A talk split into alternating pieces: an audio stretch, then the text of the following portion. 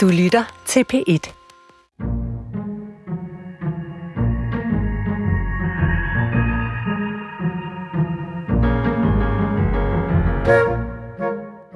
Når jeg har fornøjelsen af at være visevært for min gode kollega Nana Mogensen her i Skønlitteratur på P1, forfølger jeg undersøgelsen af, hvordan de skønlitterære forfattere i det navnkundige Danske Akademi læser bøger.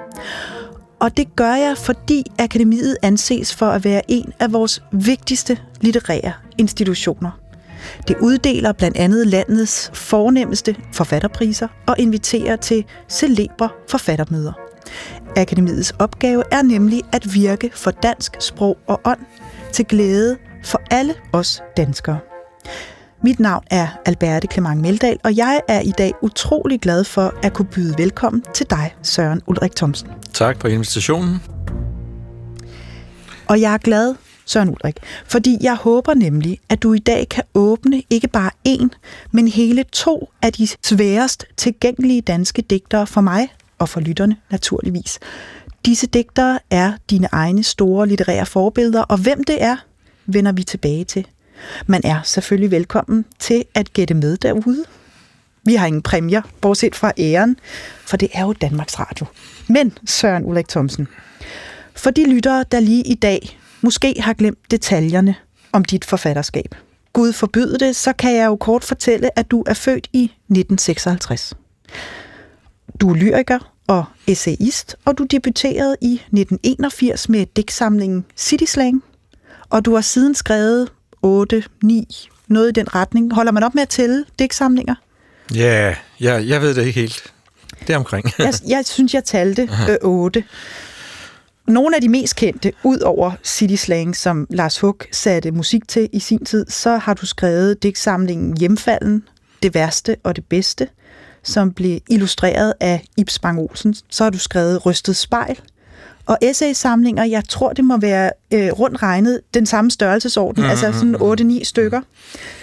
Senest har du skrevet i 2016 en hårnål klemt inde bag panelet, noter til eftertiden. Fra eftertiden. Fra eftertiden, ja. ja.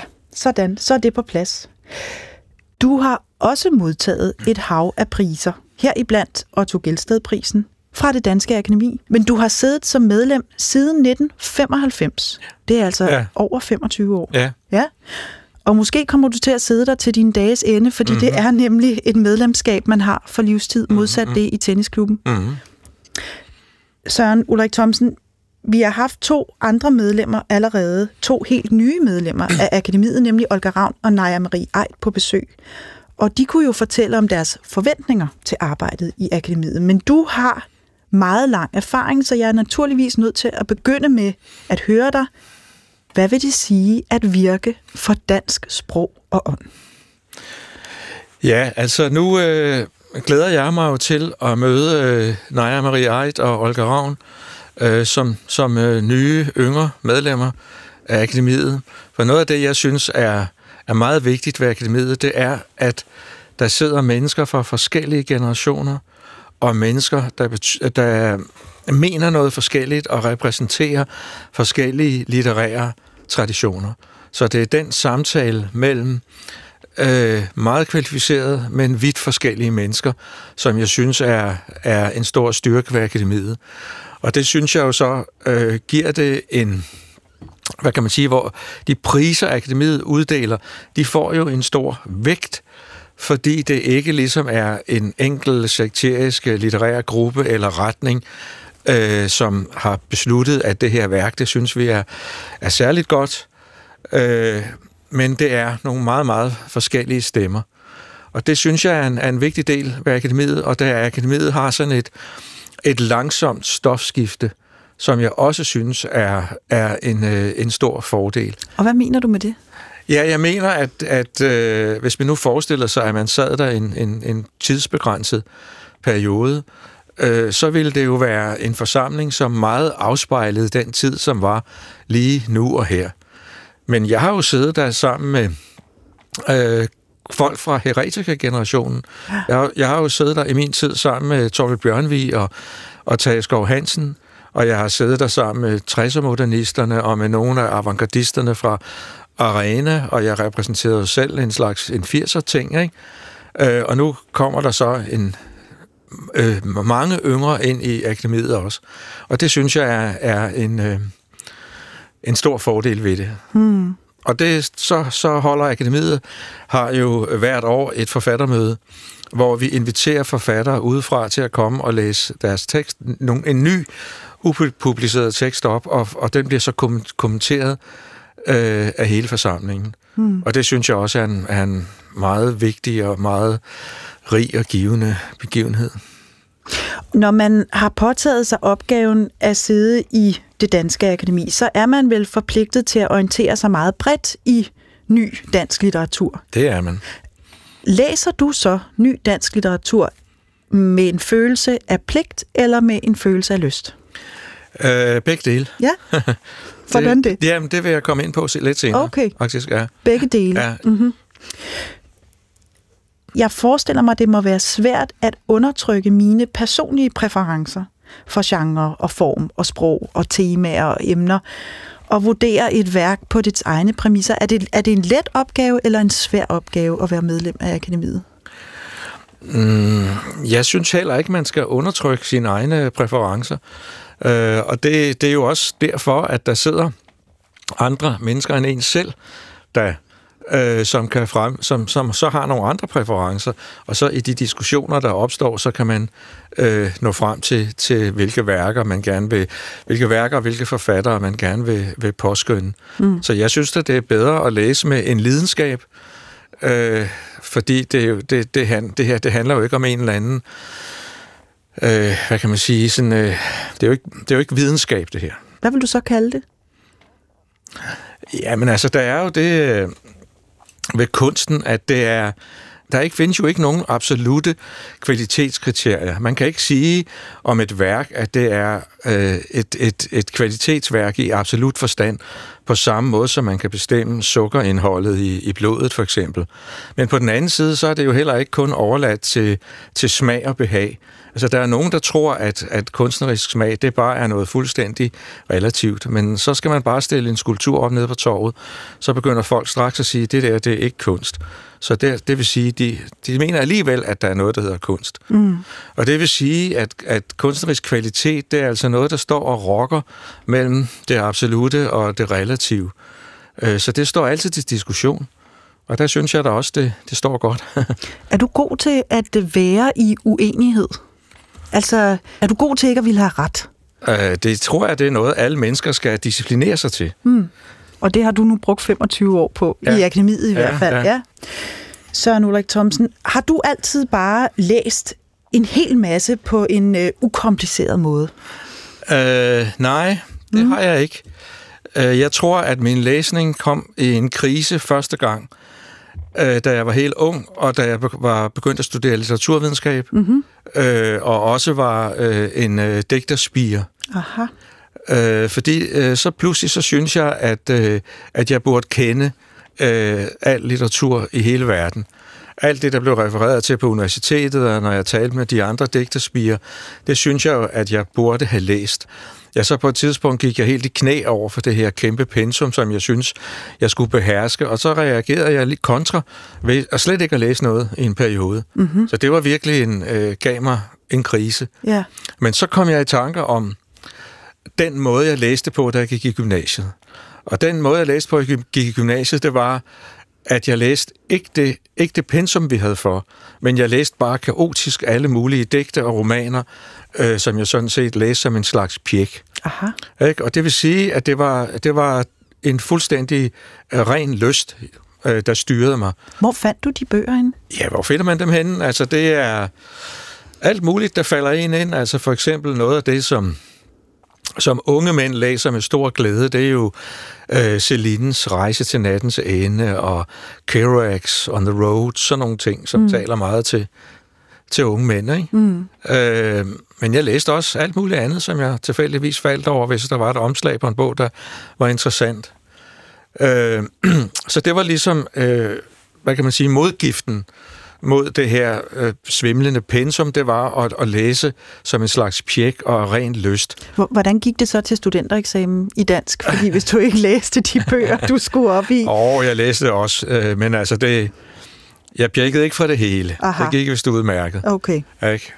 Men altså, så på et tidspunkt, så kom, jeg, altså, så kom det, den her strategi, mm-hmm. altså lystlæsningsstrategien, mm-hmm. den kom faktisk også i en krise. Aha. Fordi så øh, skete der det, at jeg læste bare ligesom 20 sider af hver bog, og så sagde jeg, nej, det var ikke lige mig. Og så lagde jeg den væk. Øh, og så, det fortalte jeg så til en person, som jeg kendte, øh, og så sagde han, øh, nej, det er klart, du siger, det er ikke lige mig, for du sidder jo bare og leder efter dig selv. Og det ramte mig virkelig. Mm. Øh, og, og, for det var jo rigtigt, at jeg ledte efter en eller anden spejling af mig selv. Øh, og der er jo også det, at når, når man er ung, så er der en meget, meget stærk identifikation mellem en selv og, og så det, man læser. Man læser, fordi der er nogle drømme, man gerne vil have opfyldt. Man læser om nogle smukke kvinder, man gerne vil i seng med, eller nogen. Man vil gerne opleve de og de og de ting i verden. Øh, men så på et tidspunkt, så bliver det jo lidt magert udelukkende at sidde og spejde efter sig selv. Hmm. Øh, og så, så besluttede jeg mig til, at nu, nu skal jeg have en ny læsestrategi. Og der kommer de et spørgsmål fra før ind, fordi der er det, at jeg tænkte, at øh, den første krise, jeg havde, den handlede om, at litteraturen var pligt, og den anden krise, den handlede om, at den kun var ren lyst. Så nu galt det om at kombinere lyst og pligt. Mm. Og lystsiden af det, det er så, at, øh, at, jeg, at jeg vælger selv, hvad jeg, jeg vælger selv de bøger, jeg vil læse. Siger, jeg skal læse den der bog. Men når jeg så har, har gjort sagt det, så skal jeg læse den færdig. Mm-hmm. Det, er så, det blev så det næste princip. Og det har jo givet mig kæmpe store glæder, fordi der er jo en bog, man kan sidde med, og de første 200 sider er måske fantastisk kedelige, og lige pludselig, så sker der noget, øh, som man aldrig nogensinde ville have oplevet, hvis man skulle læse efter ren lyst. Øh, så det her, det her virkelig en, øh, en, øh, en strategi, som har virket godt for mig, og som jeg, som jeg kan anbefale. Men det kræver dog en vældig disciplin. Ja, det gør det, men det kræver også tit øh, disciplin at læse, synes jeg, fordi Altså, hvis man læser en tekst, som virkelig giver en noget, det er faktisk også, det kan også være, det er ikke ren lyst, der kan også være et ubehag i det. Mm. Der er et ubehag i at leve sig ind i andre menneskers trykkende problemer, som måske minder en om ens egne problemer. Der kan være et arbejde med os, i at sætte sig ind øh, i øh, et vildt fremmed menneskes tankegang og en, en masse faktuelle forudsætninger for at forstå, øh, denne her bog. Så der, der, der er et arbejde i det, men det er også, man kan også sige, at at hvis der ikke er noget arbejde i at læse, altså hvis, læs, hvis teksten bare strømmer, øh, så står der sådan set ikke noget i den, som man ikke vidste før. Mm. Altså, der skal være en modstand i teksten. Så, så følelser som, ej, det er kedeligt det her, eller det her forstår jeg ikke, jeg kan ikke sætte mig ind i det, det virker mærkeligt, det, øh, jeg bliver fremmedgjort, jeg bliver irriteret, jeg bliver øh, vred. Mm. Det, det er faktisk følelser, man skal leve med, hvis man skal have det fulde udbytte af litteraturen. Ja, det synes jeg, mm. fordi øh, altså, pludselig så skete der jo det, da jeg havde lavet den her, eller taget den her beslutning, det er jo så, at så bliver jeg jo øh, beriget af at læse om mennesker, der, som er nogle andre end mig, nogle mennesker, der har levet nogle andre steder i verden, på mm. nogle andre tidspunkter i historien, så, så jeg bliver beriget af det. Mm. Men det er klart, at der skal være en dobbelthed, fordi der skal være både en lighed og en forskel. Altså, der skal være en lighed mellem, mellem læseren og teksten. Fordi hvis, hvis, der slet, hvis den her, hvis man forestiller sig, at den, den roman, man sidder og læser, er fuldkommen fremmedartet, så er det klart, at den ville man aldrig nogensinde komme ind i, sådan en bog, hvis teksten var helt hermetisk. Men på den anden side, hvis der ikke var noget fremmedartet, hvis det var bare en ren afspejling af det liv, man lever til daglig, og den verden, man lever i, så vil den jo også være forfærdelig kedelig at læse. Mm. Det vil sige, at der skal være både en forskel og en lighed. Mm-hmm. Der skal være en mulighed for dig til at identificere dig med, med noget i teksten, og så skal der være noget fremmed, som, som kan berige dig. Og det svarer faktisk til, hvis man forestiller sig, at der skal være, at teksten både skal yde en modstand, og så skal den strømme imod dig. Mm. Altså hvis den kun yder modstand, så skal du sidde øh, ved dit skrivebord med en blyant bag øret, og bare virkelig, bare kun at koncentrere dig. Og det, det, det kan også være udmærket, men så forsvinder der jo en eller anden læseglæde. Men hvis du omvendt bare kan ligge øh, på din seng og, og læse den uden videre, så er der nok ikke så, altså, så meget, får du nok ikke så meget nyt ud af at læse det. Så man skal både kunne læse efter sig selv og efter noget andet på ja. en og samme tid. Ja. Men, men har der været situationer, hvor du alligevel har oplevet, at din stedighed og disciplin ikke har, har ført dig til målet, om man så må sige? Altså, er du blevet skuffet over at skulle færdiglæse en bog? Absolut. Ja. Det, det, det sker også. Ja. Altså Don Quixote for eksempel. Nej, hvor var den kedelig. Ja, den er også meget tyk. Det jo. må jeg sige. Det var ærgerligt, at du skulle bruge så lang tid på det så. Ja. Den synes du var kedelig? Ja, det ja. synes jeg. Det synes jeg. Mm. Og, og når du så møder mennesker, som synes, at det er en utrolig humoristisk bog, øh, og som argumenterer for det, hvad, hvad, hvad tænker du så? Så tænker jeg, at de har en anden humor, form for humor, mm. end jeg har. Mm. Ikke? Men det er måske, der er, der, der, der er det måske muligt, at, at fremmedheden er for stor, ikke? Altså, der er for langt tilbage i historien til, at, at, der var, at, at den er sjov i dag for mig i hvert fald. Og, oplever du så, at der er nogen, der kan forklare dig, hvordan du skal læse sådan et værk, for eksempel, så det åbner sig for dig? Altså, vil du kunne læse den igen, hvis du blev ført ind i den af en køndig læser, som synes, den var vanvittig morsom? Mm, ja, altså det, jeg ved ikke, om jeg ville gøre det, altså Nej. om jeg ville øh, bruge, min, øh, bruge min tid på det. Men jeg er der tit, altså der er der tit øh, ting, jeg er uenig med folk, jeg kender, øh, hvor jeg vurderer det anderledes, end de gør. Mm. Altså for eksempel Ernst Jøngers øh, i Stålstormen, den synes jeg også var frygtelig kedelig, og jeg kunne slet ikke følge med i den. Altså alle de der forskellige, der var 10 nye militære udtryk på hver side, og altså det, det var en bog, der absolut ikke sagde mig noget. Men, men øh, andre af hans ting, andre af Jøngers ting, kan jeg godt lide. Mm. Øh, og, men der, der taler jeg det selvfølgelig med folk, der er begejstret for den bog, og hører, hvorfor de er det. Men det er nok ikke det samme, som jeg sætter mig ned og begynder på den en gang til. Nej, men det skiller jeg ikke ad. Nej, det, Nej, det, det gør, gør det, det gudskelov Hvad betyder din læsning for dit eget forfatterskab? Jeg tror, det betyder rigtig meget, fordi altså, hvis man skal skrive, så skal man frem for alt læse. Og der er jo ikke, det er ikke sådan, at der er sådan et en-til-en forhold mellem det, at jeg kan sige, jeg læser den her bog, fordi jeg vil skrive det og det. Jeg læser alt muligt forskelligt, og det tror jeg, man skal. Man skal læse så meget forskelligt som overhovedet muligt. For så, når man sidder og skriver, så mærker man pludselig, at ens sprog er blevet meget rigere, end det ville være, øh, hvis man ikke læste. Mm. Nogle gange kan der godt være nogle øh, Øh, direkte inspirationer. Altså for eksempel, da jeg skrev øh, Rystespejl, der var jeg meget optaget af to nordiske digtere, den norske lyriker Rolf Jacobsen og den svenske Werner Aspenstrøm. Og de, de fik absolut øh, betydning for, for Røstespejl. Men meget tit kan jeg ikke sige, kan jeg ikke sige, at det, det og det afsnit i min egen tekst er inspireret af det og det. Det kan jeg slet ikke, men det er bare ligesom hele mængden af læsning, som gør, som beriger i ens sprog. Mm. Kan, kan du også, øh, kan du også, kan den modsatte situation også opstå? Altså en situation, hvor du rent faktisk er nødt til at holde op med at læse, for at kunne koncentrere dig om at skrive selv? Ja, altså jeg vil sige, at det er jo ikke så tit, jeg skriver. Der går flere år imellem. Og mens jeg skriver, så kan jeg faktisk ikke rigtig læse. Mm-hmm. Fordi det er det, det bliver øh, for meget. For der så bruger jeg al min energi på at skrive. Øh, men jeg kan huske, øh, for et par år siden, det har været 2014, øh, fordi det var der, hvor jeg sad og skrev på en hornrulle klemt inde bag panelet.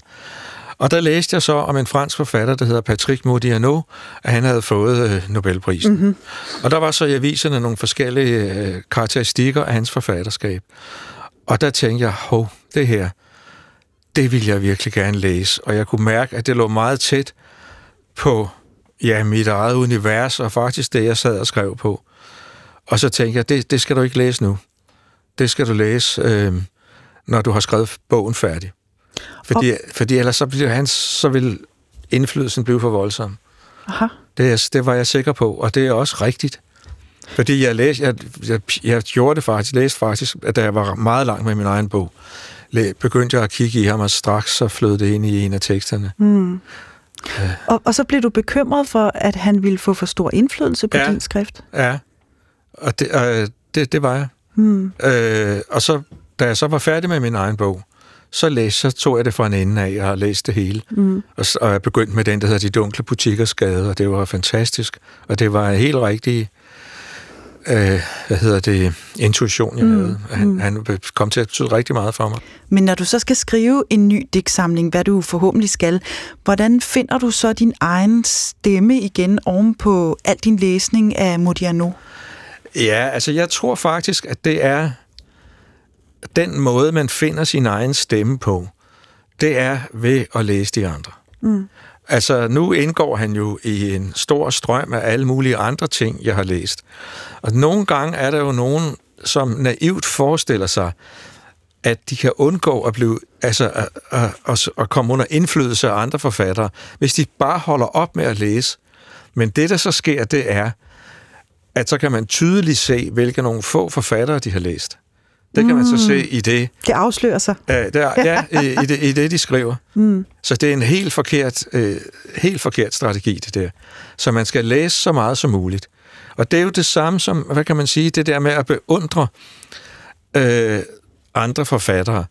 Det er jo ikke for, fordi man forestiller sig, at man skal blive som dem, eller at man, fordi man skal finde sin egen stemme ved at læse dem, og heller ikke fordi man bilder sig ind, at man kan blive lige så stor forfatter som dem, men for at man kan blive så god, som det nu er muligt Mm.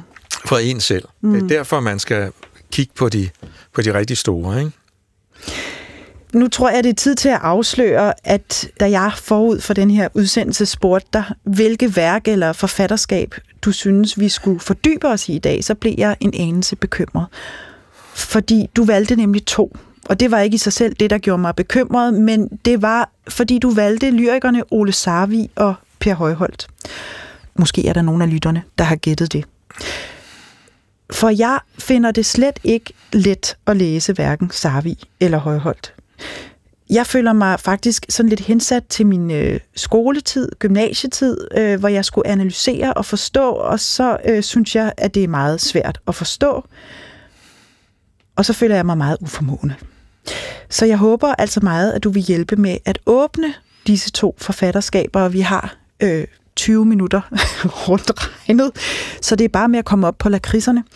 Øh, vil du ikke starte med at fortælle, hvorfor du netop har valgt Sarvi og Højholdt? Jo, men det vil jeg gerne. Men Ja. inden da, Ja. så vil jeg gerne lige kommentere det, du siger Ja. med, øh, at du føler dig hensat til din skoletid, Mhm. mm-hmm. og hvordan skal man forstå det. Altså først og fremmest, så synes jeg, at, at, at man skal opleve det, uden at lade den der trang til at oversætte øh, teksten til en eller anden mening stå imellem sig selv og oplevelsen. Altså man skal bare prøve at høre det som musik, og man skal prøve at se det for sig som billeder. Aha. Øh, og jeg synes, at øh, altså, da jeg øh, var dreng, der gik jeg i landsbyskole, Mhm. og vi skulle lære salmevers udenad. Øh, og det var jo ret krævende, men når man så kunne dem udenad, så var det faktisk fantastisk. Fordi så, kunne man, så fl- flød de ud over tungen, og så kunne man høre øh, musikken, og, og man kunne se alle de her billeder for sig. Og jeg tror, at der er en ting, der er, er forkert i meget moderne undervisning i, i lyrik. Og det er, at man bliver præsenteret for teksten, som om det er sådan en mærkelig rebus, som man så skal oversætte til en anden tekst, og sige, den her tekst, det er en gådefuld tekst, som ikke giver mening, men nu, nu analyserer vi den, og så kommer der en anden tekst, som giver mening. Og så kan eleverne jo med, med som Per Højhold sagde, hvorfor siger han det så ikke bare lige ud? Ikke? Altså, hvorfor skal det den mærkelige omvej omkring den der kringlede tekst? Men det er jo fordi, jeg synes, at man skal give eleverne en chance for at blive fascineret af digtet. Ja. Og det, det, det kunne man gøre ved for eksempel bare at læse det op, så man bare hørte det.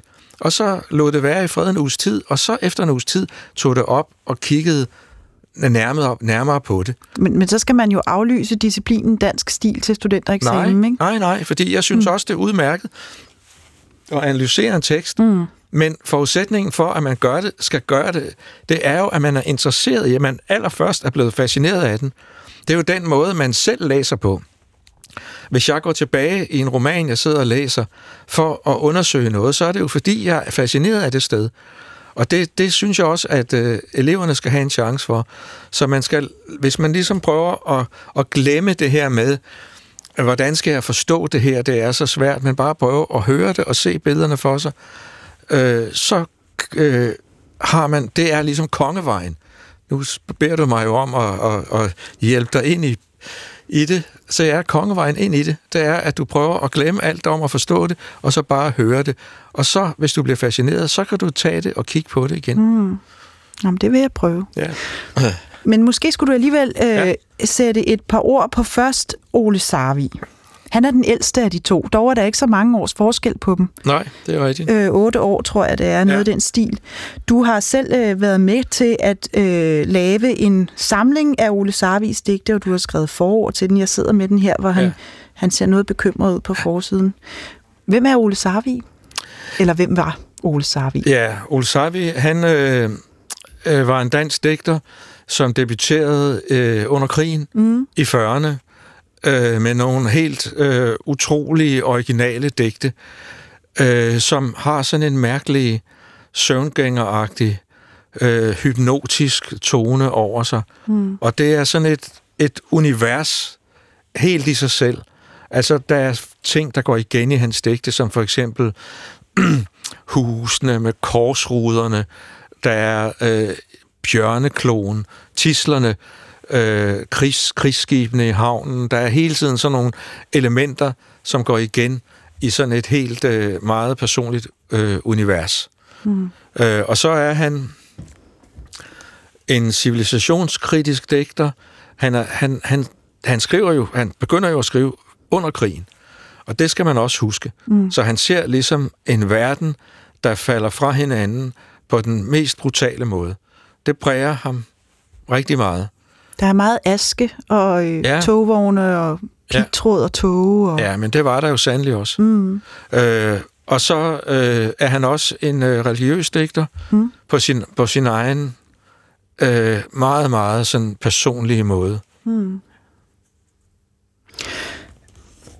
Jeg synes øh, lige, at vi skal høre et eksempel på, mm. hvordan det lyder, når Ole Sarvi selv læser op. Ja. Øh, for der tror jeg faktisk, at man simpelthen kan høre noget af det, du forklarer her. Nattens skyggeskål. Hørte du konkyljen koge i de lange nætter? Havet tale, havets måge, havets hvide gløde fugle skrige ud i mørket. Det er skæbnens fugl, som skriger over brænding, over strand, mens din skov, dit natsind bruser. Hørte du en stemme kalde, fjernt, som fjernt fra nattens rande.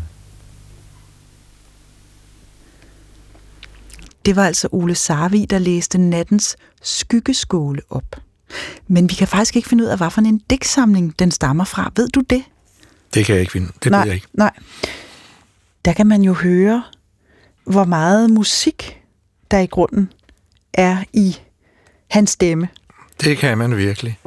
Og det er, jo noget, det er jo noget af det, der er så forskellige de er, de to digtere, Per Højholdt og Ole Sarvi. Så er det jo noget af det, som de har til fælles, selvom deres musik også er meget forskellig. Ja. Det er, at det er meget musikalsk. Det kan du høre her. Og så kan man også høre øh, altså patosen, følelsesfuldheden, som jo også er noget af det, som øh, Sarvi er kendt for. Altså, ud, altså også han, han var også kendt for at tale på den der meget sådan præstelige måde. Og det har helt sikkert noget at gøre med hans, at han, at han opfatter sig selv som sådan en seerpoet, altså en, der sidder og ser noget, mm. øh, som er skjult, og som, som ligesom kommer frem i, i hans poesi. Men man skal også huske, at det var også en måde at læse op på, som man gjorde før i tiden. Ja, fordi... Altså hvis du hører for eksempel Tom Christensen, Ja. som er meget anderledes digter end Sarvi, så læser han også op med en stor patos. Ja. På en, på en, jeg kan godt lide det udtryk på en næsten præstelig måde. Ja, ja. Det kan godt øh, virke meget fremmedartet, tænker jeg, for unge læsere. Ikke? ja. Det, det kan det, og der er absolut noget meget fremmedartet i Sarvis univers. Mm. Det er der. Mm. Men det er også det fascinerende ved det. Vi fandt også et lille klip i arkivet, hvor Sarvi kort fortæller, hvordan han har oplevet det, at der blev sat musik til hans digte. Prøv at lytte med her. Det faldt mig ikke ind, at musik og digt kunne have noget at gøre med hinanden, dengang jeg skrev digtene. Tværtimod var musikken, imens jeg skrev, ligesom en fjern og fremmed verden. En verden, der rummede en fristelse for digteren, der jo altid er bundet af de nære, sanselige ting. Han taler næsten, som han læser op, men jeg synes, det er lidt paradoxalt, at musikken er så fremmed for ham, mens han skriver. Det er også fordi, der, altså der, når man taler om musikalitet i, i poesien, så skal man jo huske, at der er forskel på sprogets musik og så musikmusik. Mm. Og det er måske musikmusik, han taler om der. Mm. Fordi det er klart, at poesien har sin egen musik. Men det er også noget, hvor man skal som digter skal være varsom, fordi man skal ikke blive alt for forelsket i, øh, i øh, digtenes vellyd. Fordi de skal, de skal, digtene skal hele tiden forholde sig til betydningen, så det skal ligesom være spændt ud mellem noget, det musikalske og så betydningen. Mm. Så man skal, det, det er ikke som en rigtig musik, og man skal ikke kapitulere til, det, til, det, til musikken. Så, så digte, altså der er forskel på digte og sangtekster. Er det vil jeg absolut sige. Men du har jo selv oplevet, at dine digte, øh, både i samarbejde med Lars Hug og så øh, det, øh, det, glemte band, kvarter. det glemte kvarter, som mm, har sat musik til flere af dine samlinger. Øh, hvordan har du oplevet den transformation? Ja, jeg oplever det som to verdener, der mødes, og så øh, forhåbentlig opstår der så øh, noget helt tredje. Mm-hmm. Øh, men det opstår også, fordi øh, der ligesom er en respekt, øh, at mine digte bliver ikke skrevet om til tekster, som så skal synges. Øh, og de er heller ikke skrevet til musik. Så musikken og, og poesien, de skal ligesom ikke underordne sig hinanden. De støder sammen på en måde, mm-hmm. og så sker der forhåbentlig noget helt tredje. Nå, men øh, Søren Ulrik Thomsen, nu når vi så til Per Højholdt, og her sidder jeg med hans samlede digte, som er noget af en mursten, og, øh, og det vil tage mig rundt regnet tre år at komme igennem den, hvis jeg skulle gøre det ordentligt, tænker jeg. Øh, altså, øh, jeg synes, øh, han er meget svær at læse. Hvem er Per Højholdt? Ja, Per Højholdt er jo så øh, en, øh, en digter, som øh, er på mange måder er noget helt andet end Sarvi. Mm. Fordi Per Højholdt, han, er, han har slet ikke den der patos.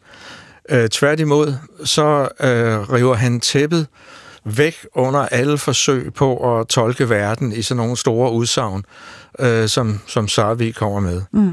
Han er en intellektuel digter og en, øh, en humoristisk digter.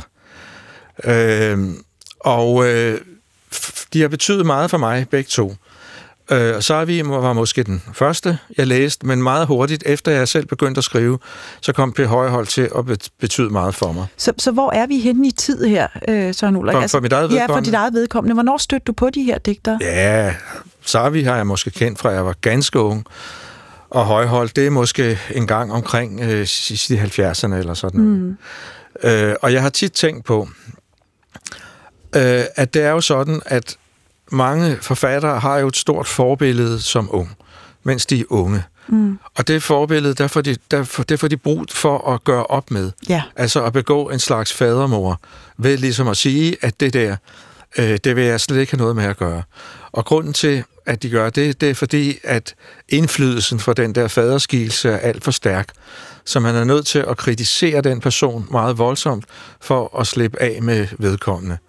Øh, og der, øh, der har jeg så spurgt mig selv, hvorfor har jeg ikke haft det sådan?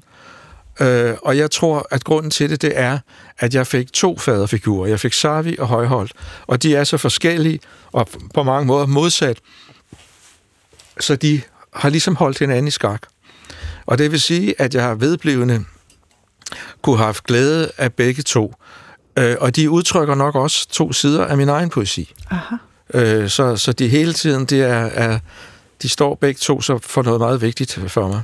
Så du bevæger dig i dit eget forfatterskab mellem patos og humor, og så har du også en anden god distinktion i dit forord til Sarvi-samlingen, nemlig skønhed og show. Hvad mener du med det? Ja, men jeg mener, at, øh, at Sarvis digte, det er jo sådan nogen, hvor man bliver hypnotiseret af deres, af deres fremmedartede, men også meget skønne univers midt i alt deres gro. Øh, og Højholds poesi, det er jo sådan en performativ poesi. Mm. Den er, han, altså, det er der jo, man ser det jo for sig. Altså, han, han, jeg har set ham læse digter op, hvor han så øh, havde sådan et, han, jo havde, han har jo også en bog, der hedder Show, og han havde et show, hvor han læser digte op, mens han samtidig står øh, og pumper med en fodpumper og pumper en ballon op. Øh, og, og det vil sige, at publikum de sidder helt ude på kanten af stolen, fordi de venter hele tiden, at den vil eksplodere, mm. øh, mens han læser op. Mm. Og det gør han så i tal, og sidst tog han sin cigaret, og så øh, punkterede han den. Ja. Så det, altså det, øh, øh, den performative side af sagen, øh, den, den, den træder meget tydeligt frem i, i Højholds digte. Vi har fundet Per Højholdt i arkivet, hvor han læser op af sin digtsamling Turbo, og optagelsen er fra 1969, det år året efter, at digtsamlingen udkom. Prøv at lytte med her. Henry ind i landskabet, han bukker og takker og går ud igen. Ind i landskabet Henry, han bukker og takker og går ud igen. Ind i landskabet, han bukker Henry og takker og går ud igen. Ind i landskabet, han bukker og Henry takker og går ud igen. Ind i landskabet, han bukker og takker Henry og går ud igen. Ind i landskabet, han bukker og takker, og Henry går ud igen. Ind i landskabet, han bukker og takker og går ud, Henry igen. Ind i landskabet, han bukker og takker og går ud igen, Henry. Ind i landskabet igen. Han får blomster og bukker og tipper over og hænger skråt i luften med fødderne opad og kinden mod bakken. Halv halvmoden vedhæng til moderkloden. Halv del i et rekylopspring fra nulhullet. Henry på kant i rollen som Karlsvogn. Helt, helt synlig i bukser og trøje deroppe på bakken. Og se nu, hvor roligt en sky tipper over og flere og lægger sig på ryggen i ligevægt. Og dernede ved bækken hans lille ejendom med gardinerne ud af vinduerne og svingende døre ude og inde. Hans kone gynger i neglen i dørtærsken og glor op på ham mellem sine patter. Henry, din lord! Og Henry, med kinden mod strygefladen og blomster i hænderne, smiler med omvendt gebis og vokser og vokser, og så koger bækken op med vandklare terninger og skubber dem ind på engen, mens Henry, gode gamle Henry oversætterens anmærkning, vokser og vokser, duver de i balance 20 cm over græsset, kubebreve som farer af sted, og nu fire og kanter de sig fri af buske og træer. I græsset i mos nede under dem spræller i ovenlys bækørder i våd brøndkarse, og henrygte Henry griner med omvendte øjne og melder, skak nu. Nu ikke en ensom stund mere. De vil komme alle sammen, og de vil parkere i træerne, og her vil blive løjer, kommers og fekundik, til jeg er helt klar. Ja, og sandt nok skulle. Hans krop med celler i vokser ikke til mere Henry, men større flade med Henry-punkter. En enorm anonym kommune på skrå, iriserende som vand i lyset oppe på bakken. Og konen i baglæns salto tilbage på dørtrinet. Ørden stille og kold i sin karse, og punktliget Henry kurer ind i landskabet igen. Han bukker og takker og går ud. Henry ind i landskabet igen. Han bukker og takker, og Henry går ud. Ind i landskabet igen. Han bukker og takker Henry og går ud. Ind i landskabet igen. Han bukker og Henry takker og går ud. Ind i landskabet igen. Han bukker Henry og takker og går ud. Ind i landskabet igen. Henry han bukker og takker og går ud. Ind i landskabet. Henry igen. Han bukker og takker og går ud. Henry ind i landskabet igen. Han bukker og tipper over. Og sådan fortsætter det derudad. Søren Ulrik Thomsen, hvad i alverden er meningen med det der? Jamen altså, det, i, frem for alt, så skal man jo bare... Altså, det går jo hurtigt, og det er... Øh, altså, det, det er jo helt vildt, det der sker, ligesom i en tegnefilm. Øh, og man skal ikke gøre andet end det, du gjorde, for jeg kunne sidde og se på dig, at du, at du grinede, og du var hele tiden med, og du, altså, der skete så meget øh, i dit ansigt, mens du hørte det her. Og det er jo det, man skal... Altså, der er rigtig mange af de her sætninger, som jeg kan udenad. Altså, øh, øren stille og våd i, i sin brøndkasse, og øh, en enorm anonym kommune på skrå, og der er så mange af de her sætninger, som jeg, jeg aner ikke, hvorfor de er så fascinerende, men det er de bare. Mm. Øh, så det er jo i hvert fald det, den gode indgang til det. Det er, at man har lyst til at høre det, og jeg har da, jeg har da lyst til øh, med jævn mellemrum at høre Per Højhold læse Turbo op, også som jeg hører et stykke musik, og så bliver jeg bare overvældet af den utrolige sproglige fantasi og, og rigdom, der er i det. Mm. Øh, og den her opfindelse, han har med at tage en sætning, Henry ind i landskabet, han bukker og takker og går ud igen, og så hele tiden bytte om på ordene, så den får en, en ny lille drejning, og så går ud fra den, og så vende tilbage til den. Det synes jeg også er et, er et fantastisk greb. Jeg tror, jeg kommer til at sætte mig svedende op i sengen midt i nat og sige, at Henrik kommer ind og bukker og takker og går ud. Det kan jeg i hvert fald huske ja. resten af ja. livet. Per Højholdt har selv fortalt, at han faktisk med netop Turbo prøvede at omsætte Jimi Hendrix øh, guitarspil mm-hmm, til mm-hmm. en digtsamling. Ja. Synes du, det lykkedes? Jeg kan sagtens, altså apropos øh, musik, mm. øh, ja, fordi der er jo det der, øh, altså øh, vildt voksne i det, mm. som der også er i Hendrix guitarspil, ikke? Mm. Så der skal være der skal være knald på, der skal være gang i det, og det er jo også en øh, i det ligger der jo også, at det er noget, noget en polemik imod den, sådan en form for poesi, som Saravi skriver, øh, fordi det er sådan en stor, der er sådan en stor stillhed, man går ind i, i Saravi, en stor højtidelig stillhed, man går ind i, i, i Saravis digte, og, og her, der sker der alle mulige vilde ting, og frække ting, og erotiske ting. Og... Mm. Altså, øh, begge digtere modtog, mens de levede, akademiets store pris, ja. og Ole Sarvi sad også som medlem ja. af det danske akademi. Hvordan tror du, at diskussionen havde været imellem de to, hvis, de nu, hvis man nu forestiller sig, at de sammen skulle være blevet enige om, hvem der skulle have akademiets store pris her til næste år? Kunne de, kunne de have enet som det? Det tror jeg godt, de kunne. Mm. Det tror jeg. Øh, jeg kan godt forestille mig, at Sarvi måske ville være fremmed over for Per Højholds poesi. Jeg ved ikke noget om, hvordan han forholdt sig til det. Aner det ikke. Nej. Men jeg ved, at Højhold respekterede Sarvi meget øh, og sat ham meget højt som digter. Mm. Så det er jo et godt eksempel på, at, øh, at noget af det, som jeg synes er en styrke ved akademiet, at medlemmerne er meget forskellige, og alligevel øh, kan, kan blive enige om at pege på en, en forfatter eller et værk, som skal have en pris. Mm. Og det tror jeg, de ville have kunnet. Mm. Det tror jeg. Vi skal dykke ned i to konkrete digte mm-hmm. øh, som vi skal prøve at læse sammen. Det første øh, synes jeg skal være Sarvis Frøers X fra Jeghuset, ja. som du har valgt, og du sidder med en meget fin signeret første udgave der. Ja, fra 1944. Fra 1944. Ja. Krigens øh, næst sidste år. Ja. Og digtet hedder Frøers X. Nu kvækker Frøers X i tallernes store moser, en larmen om aftenen, da togerne kommer. Femtallet, det er borgeren, står ved randen af de store moser. Og nu tændes stjernerne som fjerne svar, som fjerne ligninger, der gik op. Lyshjulet stansede, spillerne stod som mørke lægemer og så efter deres tal. Ja, og det ja. er jo et digt, som... ja. det er et digt, som, øh, som jeg har været fascineret af i, i mange år. Ja, hvorfor? Øh, ja, det ved jeg ikke. Nej.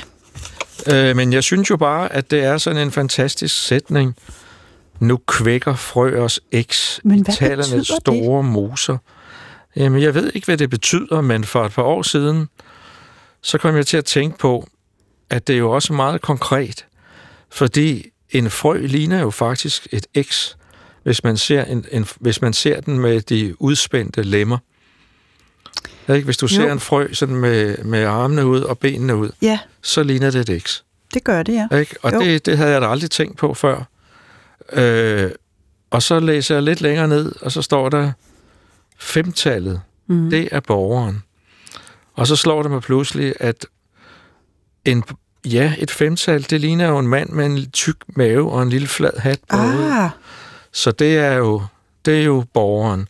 Og sådan er der jo ting øh, i, i de her Sarvis meget dunkle digte, som efter mange år pludselig går op for mig.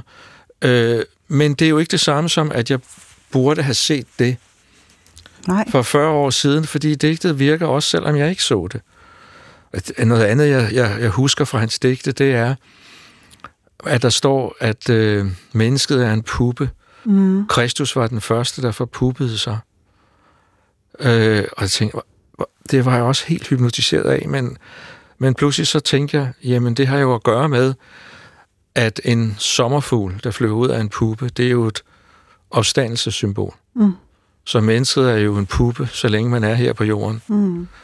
Øh, og så flyver man op i opstandelsen. Mm. Så det, det er jo sådan nogle ting, der måske langsomt går op for en.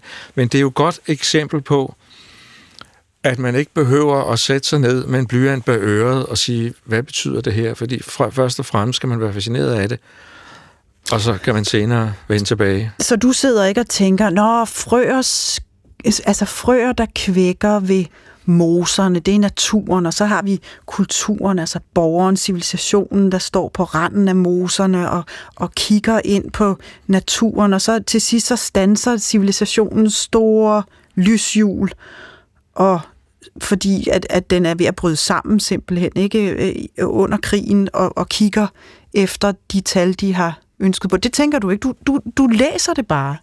Det tænker du. Jeg synes, det er meget godt tænkt, det du siger Nå. der. Det er jeg glad for.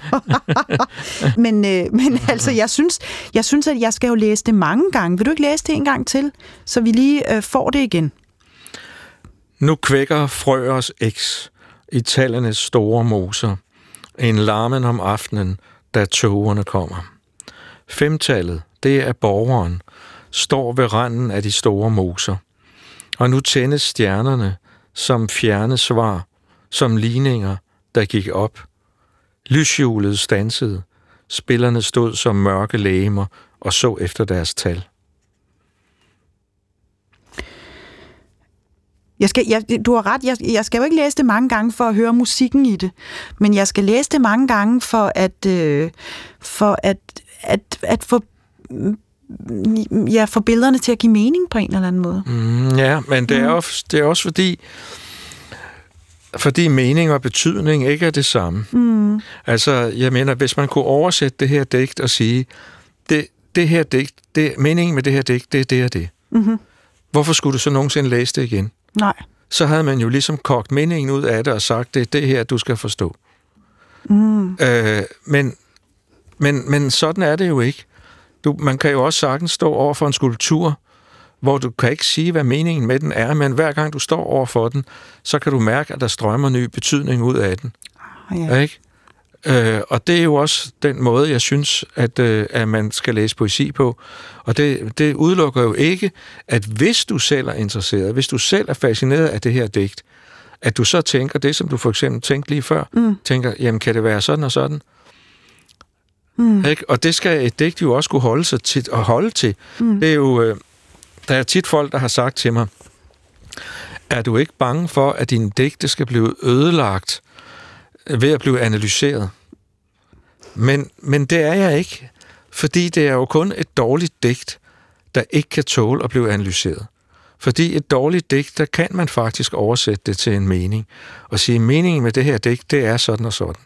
Og så er det digt gået i stykker, hvis det virkelig er muligt at lave en udtømmende analyse af det. Så det, det er jeg ikke. Så det, det, det er da muligt, at nogle af mine digte øh, ikke kan tåle at blive analyseret, men så må de jo bare gå til grunden. Mm. Fordi dem, der overlever, det er, er jo nogen, hvor, hvor øh, man kan sige meget i en analyse, men hvor der stadigvæk strømmer ny betydning ud af det. Altså noget, jeg tænker på, det er X, altså nu kvækker frøers X. X, det er jo også den ubekendte. Ja. Så det, det er jo også en, Mm. hører også med til det her digt. Mm. Lad os prøve at kigge på Højholdt også. Øh, der har du valgt et, øh, et digt fra hans samling Praxis 1, Revolver. Mm-hmm. Og det er det digt, der hedder Broderen i Thailand. Og Ja. det er jeg meget spændt på, hvad du har at sige om det. Vil du læse? Ja. Broderen i Thailand. Du spræller tvilling i luften over din eksploderende madras. På tre vender du under loftet og begynder at falde nedad, stadig i dyb søvn, og madrassen farer sammen på gulvet under dig og griber dig bulnende ud som det surbrød, jeg i morgen 7.30 flækker til min morgenkaffe med æg, mens blodet stiger langsomt op om de snorende kameraer. Hvad handler det digt om? Det aner jeg ikke. Nej. Men jeg kan jo mærke, ligesom øh, jeg kunne før, øh, da vi hørte Turbo, at der, altså, han er jo i ekstase over øh, alle de her ting, der sker på én gang. Mm. Og det har jo noget at gøre med, bogen hedder jo Revolver. Ja. Øh, og det kommer jo af, altså, af, af noget, der vender. Ikke? Og her, der, der er den her tvilling, som vender under loftet. Ikke? Og ja, du spræller tvilling i luften over din eksploderende madras. Er det egentlig bare lige det billede? Ikke? At se en madras, der ekspl- eksploderer, og så en person, Der svæver. der svæver og vender, og så falder nedad i dyb søvn. Ikke? Selvom man, man, man kunne forestille sig, at det var, det var måske ikke en tilstand, man var i, når den madras, man lå på, lige var eksploderet. Jamen, tror du ikke, han er død? Altså, der står godt nok dyb søvn, men jeg, jeg, altså, ja, det, der sker, øh, når, når, når jeg læser det, ikke, ja. det er, at jeg straks prøver at forestille mig, hvad det er, Per Højholdt har oplevet, der får ham til at skrive digtet. Og jeg tænker, han, ser, han sidder og ser TV-avisen, mm-hmm. og så er der et indslag om, øh, om uroligheder og krig i Thailand, hvor, øh, hvor de simpelthen viser øh, et eller andet drabligt blodbad, ikke? altså nogen, der er blevet myrdet og mishandlet, mens han, øh, Per Højholdt selv, øh, drikker morgenkaffe med æg til. Ikke? Og, så, og så prøver han på en eller anden måde at beskrive det her billede i sådan en slags filmscene. Ja, Jamen, jeg altså, tror, jeg der er står altså, øh, det, altså det, det, den tanke, det har jeg slet ikke tænkt. Der står jo heller ikke, at han gør det, at han spiser det der, drikker den der morgenkaffe, Nej, det gør mens, ikke. mens han gør det. Det er, Nej. i morgen vil han gøre det. Ja, Ikke? jo. Øh, Der er noget, der er noget tidsforskydning, som, som jeg slet ikke kan få for, for min hjerne omkring. men altså igen, jeg, jeg er bare begejstret for de der blodet stiger langsomt op om de snorende kameraer. Det er fandme en flot sætning, ikke? Jo, jo. Ja, ikke? Og, og mad, altså, altså det der med madrassen, der farer sammen, som om den er, som om den er et, væs, et levende mm. væsen, ikke? Mm, og ikke kroppen, Ja. men madrassen. Ja. Men altså, der er rigeligt med betydning i den. Det synes det, jeg. Det er rigtigt. Det, det er Øh, jo simpelthen det, ikke? Jo, Jeg har, jeg har jo bare lyst til at læse det digt her igen og igen, ja. ikke? Men er det i virkeligheden nøglen, Søren Ulrik Thomsen? Altså hvis man skal komme ind, øh, altså hvis man skal knække nøden eller åbne disse to digter, at man simpelthen skal læse dem igen og igen, ligesom du gør, altså disciplineret læse igen og igen, indtil man tænker, nu hører jeg det, nu ser jeg det. Eller har du nogle andre corporate tricks? Ja, faktisk ikke. øh, Når nu du siger det, så tror jeg egentlig ikke, jeg læser poesi på den måde Nej. der, som jeg læser prosa på. Øh, poesi, der læser jeg måske meget mere ud fra den umiddelbare fascination. Mm. Øh, og hvis det så fascinerer mig, så går jeg tilbage og, og kigger på det igen. Øh, jeg tror, at man skal læse det op. Altså, det, det, det, det, det, nu spørger du om nøglen. Mm. Og jeg tror, at nøglen det er, at du sætter dig ned og læser det op, så du kan høre så du kan høre digtets musik, og så du kan se de her billeder, enten øh, hos Sarvi ser det som et, et, et stort, stille univers, du går ind i, eller som hos Højhold, hvor billederne de farer forbi dig og, og raser rundt, som når, når Jimi Hendrix spiller guitar. Men se det bare for dig, og hør, hvordan det lyder, og hvis du så bliver fascineret af det, så får du jo helt automatisk lyst til at gå tilbage og kigge på det mm. igen. Men, men der er poesi jo også noget i forstået på den måde. Altså nu sidder jeg jo med, med nogle, altså øh, Per Højholds samlede værker. Du sidder med sådan et, et fint lille eksemplar af mm. Revolver. Mm. Så, så hvis det endelig var, at man skulle læse hele Revolver, så er det jo ikke øh, uoverkommeligt. Øh, nej, men jeg læser også meget sjældent en hel digtsamling. Ja. Altså, det, det, det, altså det, jeg slår op, og så læser jeg digtet. Aha, Jeg er ikke sådan her bang. ja. Og, og, og hvis det så sætter sig fast i ørerne på mig og i øjnene på mig, så læser jeg det igen næste dag. Øh, og så læser jeg måske et par stykker, men, men det, det er tit for voldsomt at læse en hel digtsamling, som, som man læser prosa, synes jeg. Mm. Det vil jeg prøve, og så vil jeg prøve at finde fred med, at digtene rummer masser af betydning, og ikke giver fuldt ud mening, Mm-hmm. nødvendigvis, Mm. for mig. Mm. Så blev jeg så meget klogere. Søren Ulrik Thomsen, tusind tak. Fordi, Tak for invitationen. Ja, fordi du ville komme øh, og fortælle om, hvordan du læser bøger og, og rigtig god øh, arbejdsløst i det danske akademi fremover. Tak skal du have. Tak. Jeg skal sige, at jeg sidder her med et udvalg af Sarvis digte foretaget af Torben Brostrøm og dig selv, Søren Ulrik Thomsen, og du har også skrevet det fine forord. Bogen er udgivet på Gyldendal, og det er Per Højholds samlede digte også. Mit navn er Alberte Clement Meldal, og jeg fik hjælp til research af Sissel Finderup, og du har lyttet til Skønlitteratur på P1. Tak for det.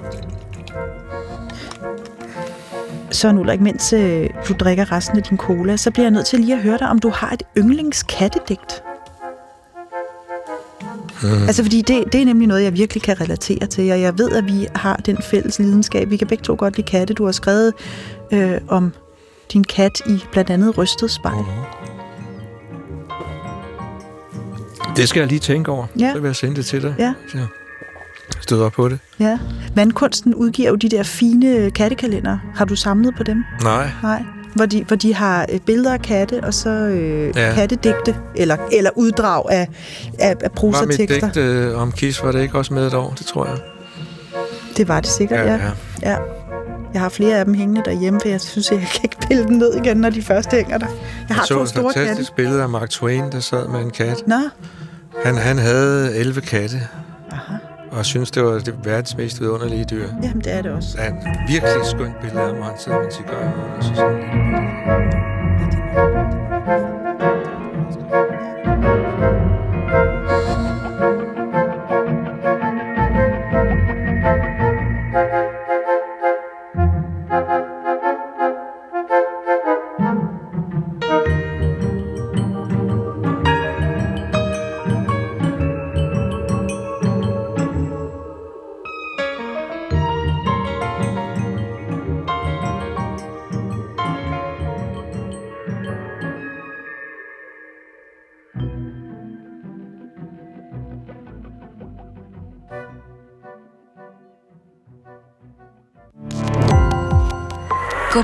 opdagelse i alle DR's podcast og radioprogrammer. i appen DR Lyd.